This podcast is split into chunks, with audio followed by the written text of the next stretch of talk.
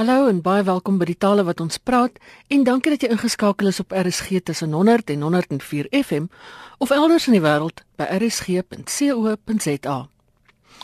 Ons fokus vanoggend eerstens op 'n moedertaalfees en daarna kom nuwe ontwikkelings op die terrein van dowe onderwys aan die beurt.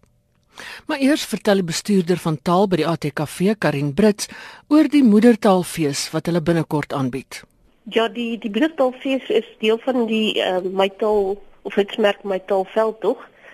En dit is nou eintlik al van Julie maand af wat ons besig is met hierdie veld tog. En dit is die die groot doel is maar net dat ons graag ouers wil bereik wat nou vir die keuse staan oor na watter taal en watter taal hulle wil hê hulle kinders moet skool gaan.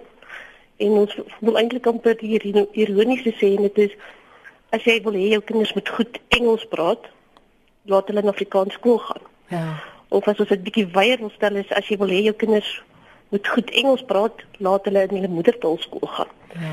So by die ATKV gaan dit nie vir ons so seer daaroor dat ons ons is nie anti-Engels nie. Ons is net pro moedertaal onderrig en in spesifiek in die geval van die ATKV is ons dan 'n pro Afrikaans uh, moedertaal onderrig. Mhm. So Karin, hoekom dink jy is dit belangrik om te fokus op moedertaal of moedertaal onderrig? Dit is eintlik 10 redes by die ATKV identifiseer wat ons 'n deel van die my taalveld toe gemaak het. Ja. En die een is en dit ek dink dis die verantwoordelikende een is moedertaalonderrig lei tot beter akademiese prestasie. Jy kan maar elke jaar na die matriekuitslae kyk. Die, uh, die kinders wat in hulle moedertaal skool gegaan het, doen ook gewoon net beter. So daar's natuurlik ander faktore ook, maar ek dink die grootste faktor is maar moedertaalonderrig. En deel daarvan is ehm uh, dit al onderrig lei tot beter kognitiewe ontwikkeling. Ja. Ons weet dat ons ons tale konseptualiseer. So as jy 'n vreemde taal moet leer, is dit natuurlik baie moeiliker. Dit jy baie meer energie daarin sit. En ehm um, moedertaalonderrig sluit nie ander tale uit nie. Ja. Ehm um, ons sê dat moedertaalonderrig leer dat jy eintlik makliker ander tale uh, tale aanleer. En op hierdie manier bevorder ons dan ook meertaligheid en ehm um, dit bou ook selfvertroue. Hmm. Ek dink ons kan eintlik in enige skool gaan kyk as die graad 1 daar sit en hulle moet nou ewe skielik in Engels wat 'n vreemde taal is vir, vir baie van ons kinders op skool gaan kan jy sien dat hulle verboureerd is. Ja. Ehm um, en die oomblik as jy oorslaan na die moedertaal hoe, hoe daardie selfvertroue uitgestraal word. En ehm um, dit bevorder ook geletterdheid want as ons nou gaan kyk hoe sleg ons vaar met ons leesgeletterdheid, dink ek kan ons baie voor die deur lê dat die kinders nie in 'n moedertaal skool gaan nie. Ja. Ehm um, in erfenismaand sê ons dit bewaar ook ons erfenis. Daar's dit gaan eintlik oor baie meer as net taal. Dit gaan ook die kultuur wat verweef is met die taal. En ehm um, dit dit gee ons kinders identiteit. Hmm. Dis 'n bietjie behoort. Ja. Ehm um, kyk ons sien ons is die reënboognasie maar ons moet tog ons kleed binne hierdie reënboognasie vind en en hoe dit daar onderrig gee ons gee 'n bietjie daai toegang tot daai identiteit. En dis ook die platform vir taal om te groei. As ek my moedertaal skool gaan, weet ek daar word boeke ontwikkel in die taal, daar ons woordeskat word uitgebrei. Ehm um, ek kan oor enigiets in in my moedertaal praat. En dan ehm um, die laaste kom ons sê maar punt is dat dit al onderrig is eintlik ons reg.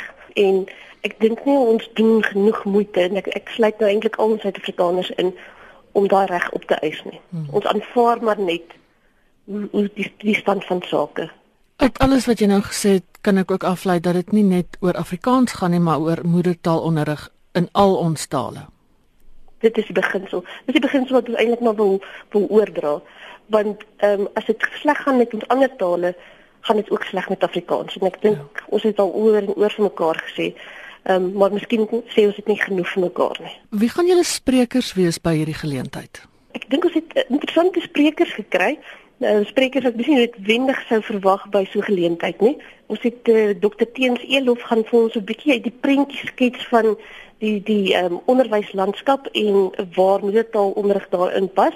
En ons ons gaan dit eintlik om die spolle draai wat ook 'n aanhaling wat uit sy boek uit is is wat taal betref is die universele probleem dat baie ouers asook politici en amptenare die rol wat moedertaal speel aan die kognitiewe ontwikkeling van kinders ontken. En ons het hom gevra dat hy vir ons 'n bietjie die breë prentjie skets. Ja. Maar ons wil 'n bietjie prakties raak en uh, daarom het ons ook 'n spraakterapie gevra. Ehm um, sy is ook 'n skrywer, Christine Meser, om met ons te kom gesels oor wat is die rol van moedertaalonderrig en wat is die probleme as jy nie in moedertaalonderrig word uh wat spraak betref. Hmm. En dan Iver Price uh, gaan dan praat oor ook dan oor moedertaalonderrig en erfenis, maar dan ook wat die loopbaanvoordele daarvan is as jy uh, in jou moedertaal onderrig word. En dan het ons vir Dumile Mateza en hy is van die Rights and Recourse Farm. Ehm um, hy kom met ons gesels oor die ehm um, die belangrikheid ook van meertaligheid en en taalregte. So dit is so 'n bietjie vanuit 'n ander hoek. Jy kan hoor ons het nie net Afrikaans sprekendes nie, ons ja. het 'n redelike wye verskeidenheid van sprekers by die geleentheid. Ja. Karin, as mense meer wil uitvind oor die geleentheid, waar kan hulle 'n bietjie inligting kry? In die eerste plek sou ek sê is is ons webwerf. Dit is atkv.org.za.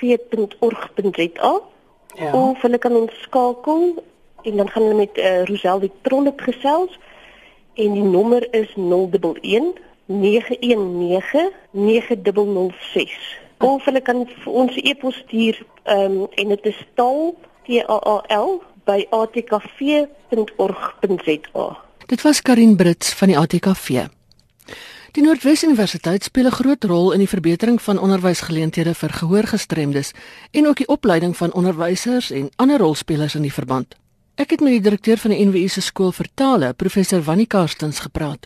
Professor, hoe het die NWU betrokke geraak by die opleiding van onderwysers in gebaretaal en dowe onderwys in die algemeen? Ina, dit is 'n baie interessante storie. Uh dat ek net aan die begin begin. Soos jy weet, ons het 11 amptelike tale in die land. Ja. Maar ons praat dikwels daarvan dat gebaretaal ons 12de amptelike taal behoort te wees. En die rede is gewoon dis 'n gemarginaliseerde gemeenskap wat nie altyd die geleenthede het om die volledige opleiding te kry nie. En toe het ek in my hoedanigheid as direkteur van die skool vir tale hierso op 'n stadium gesê, maar ons kan nie toelaat dat hierdie marginalisering voortduur nie. So ons moet ook die kursus aanbied. En het ons omtrent so 6, 7 jaar gelede begin om gebaretaal as as as vakkies in te voer. Ons het aanvanklik gedink uh, ons gaan min studente kry en in die eerste jaar was daar so 15 toe ons gedink nie ons is gelukkig om weg te trek en in die volgende jaar was dit skielik 55. Toe besef ons nou hier is 'n enorme bate. En toe het ons die kursusse voorberei dat dit tot op die derde jaar vlak aangebied kan word. Aanvanklik was dit net tot op die eerste jaar.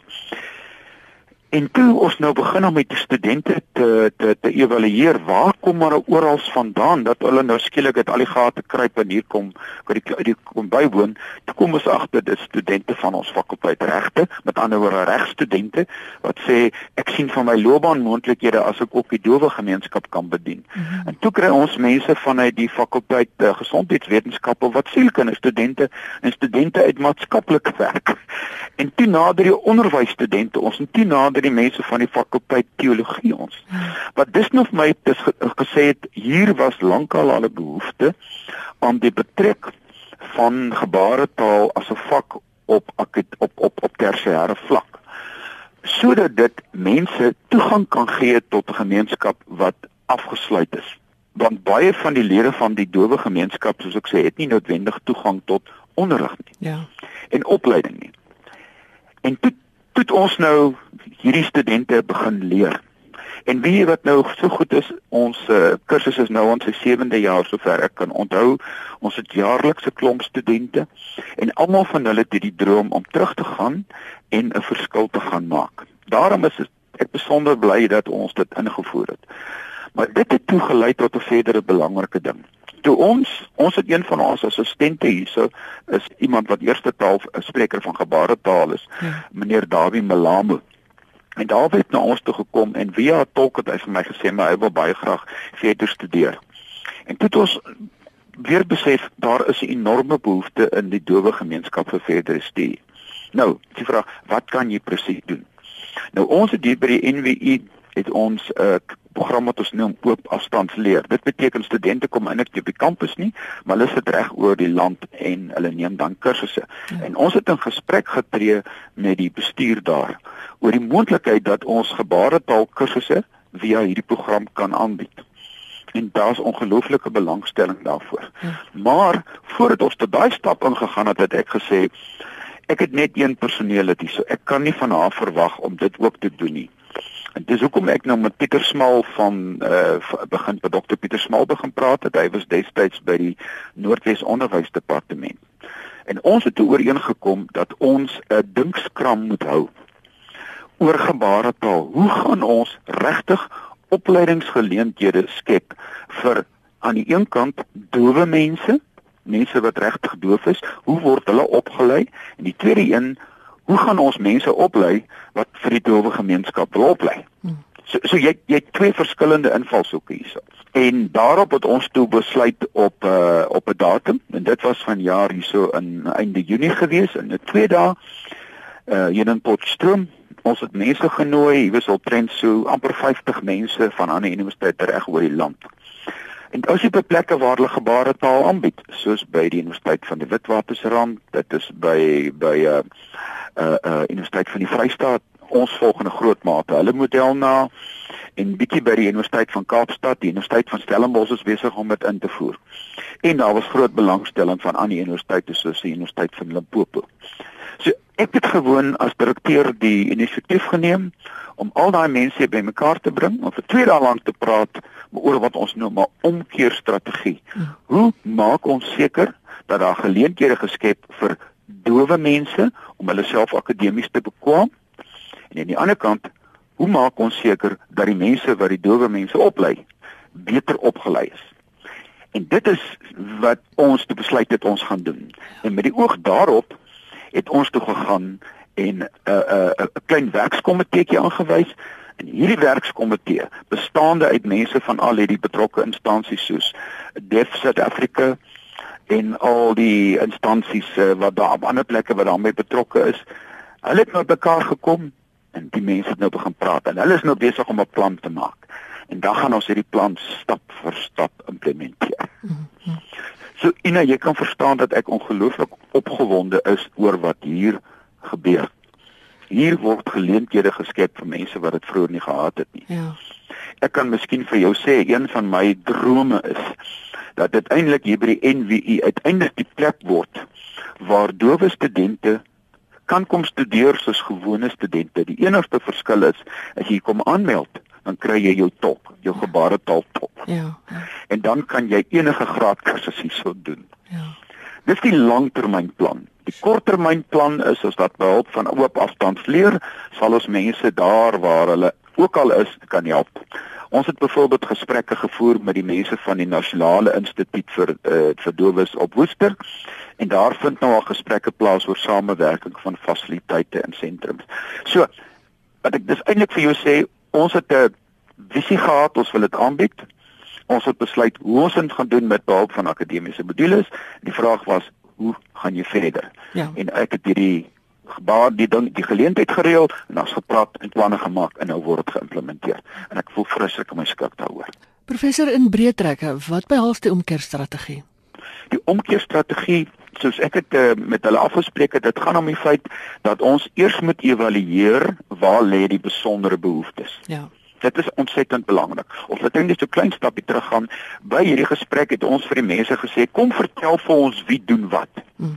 En eers toe ons dit nou agtergekom het, het ons gesê, "Maar om dit te kan doen, om dit beter te kan doen en te kry dat mense saamwerk en dat ons ons bronne en ons fasiliteite deel want dit is altyd die dilemma. Jy weet mense mense doen wonderlike goed maar jy deel nie graag dit met ander nie. Ja. so tot ons begin met die meedeel van wie doen wat. So die eerste ding wat hulle hulle gaan 'n situasieanalise doen. Wie doen wat waar en dit is veral belangrik watter kursusse word op tersiêre vlak aangebied Dan die ander een is uh, uh, dat daar ons wel begin met 'n lobbystrategie, naamlik dat gebaretaal as die 12de amptelike taal in die land erken word. Ja. Dit is die soort van die korttermyn onmiddellike strategie. Maar ek is seker uh, Dr Pieter Smal sal vir jou meer detail daarvan gee. Ja. Dit was vir my die twee belangrikste dinge. Jy weet as 'n akademikus uh Ina het ons altyd die neiging om eers uit te vind van waar moet ek vertrek. Ja. ja. Dit is ek om ons teruggegaan het en gesê doen 'n situasieanalise en dan doen ons navorsing daaroor. Ah. En dan soos die navorsingsresultate duidelik kom, dan begin jy vennootskap besluit. Wat wel ook hierso was, mense van die departement nasionale onderwys was hierso en daar's ongelooflike belangstelling om hierby saam te werk. Want uh, soos dokter Similani, een van die senior mense het my gesê, hy het gesê ek het die planne, maar ek het nie die mense nie. Ja. Dit ek vir hom gesê nou wel, ek sou beter vir jou die mense kan gee as jy die geld kan gee. Ja. ja. Dan is dit 'n wen-wen situasie vir almal. So dit is wat dit ten doel het. Juis om die planne uit te werk sodat ons ons vennote kan kry dat ons binne die volgende 5 jaar 'n beduidende verskil kan maak aan die leefwêreld van die dowe gemeenskap in Suid-Afrika. Dit was professor Wannie Karstens, direkteur van die skool vir tale aan die Noordwes Universiteit.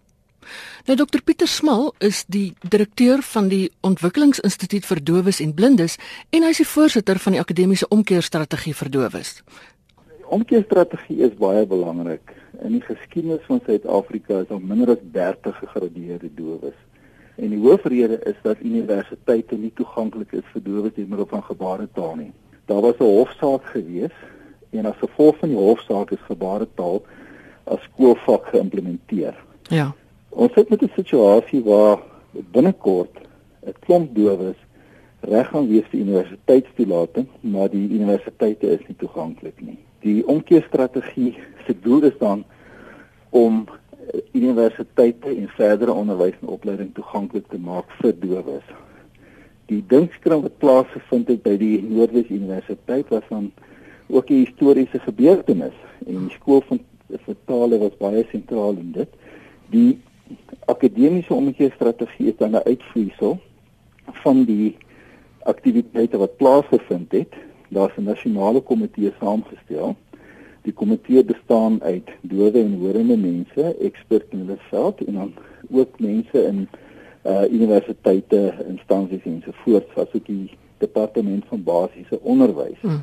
Daar's 'n paar sleutelareas ja. Uh, waarna ons wil kyk en uh dit gaan oor navorsing in die eerste plek. Ons wil kyk na wat se beleide, norme en standaarde is daar hmm. wat die departement basiese onderwys, wat die departement hoër onderwys en dan word daar navorsingsontwerp uh ontwerp. Nou wil ons kyk na statistieke. Daar is baie min statistieke oor dowe persone. Ons wil kyk na die demografie. Ons wil kyk na die huidige scenario.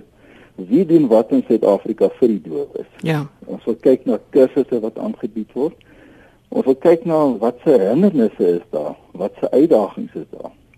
En dan wil mens kyk na wat kan elke departement, elke persoon doen om hierdie statistiek van slegs 30 gegradueerdes of minder dat ons dit kan verander. Ons het op 3 September ons eerste vergadering gehad. Mm -hmm. En in hierdie vergadering het ons besluit die nommer 1 strategie is navorsing. Ja. Ons wil met navorsing begin en selfs op ons komitee is daar reeds twee persone wat besig is met hulle doktorale studies. Mm.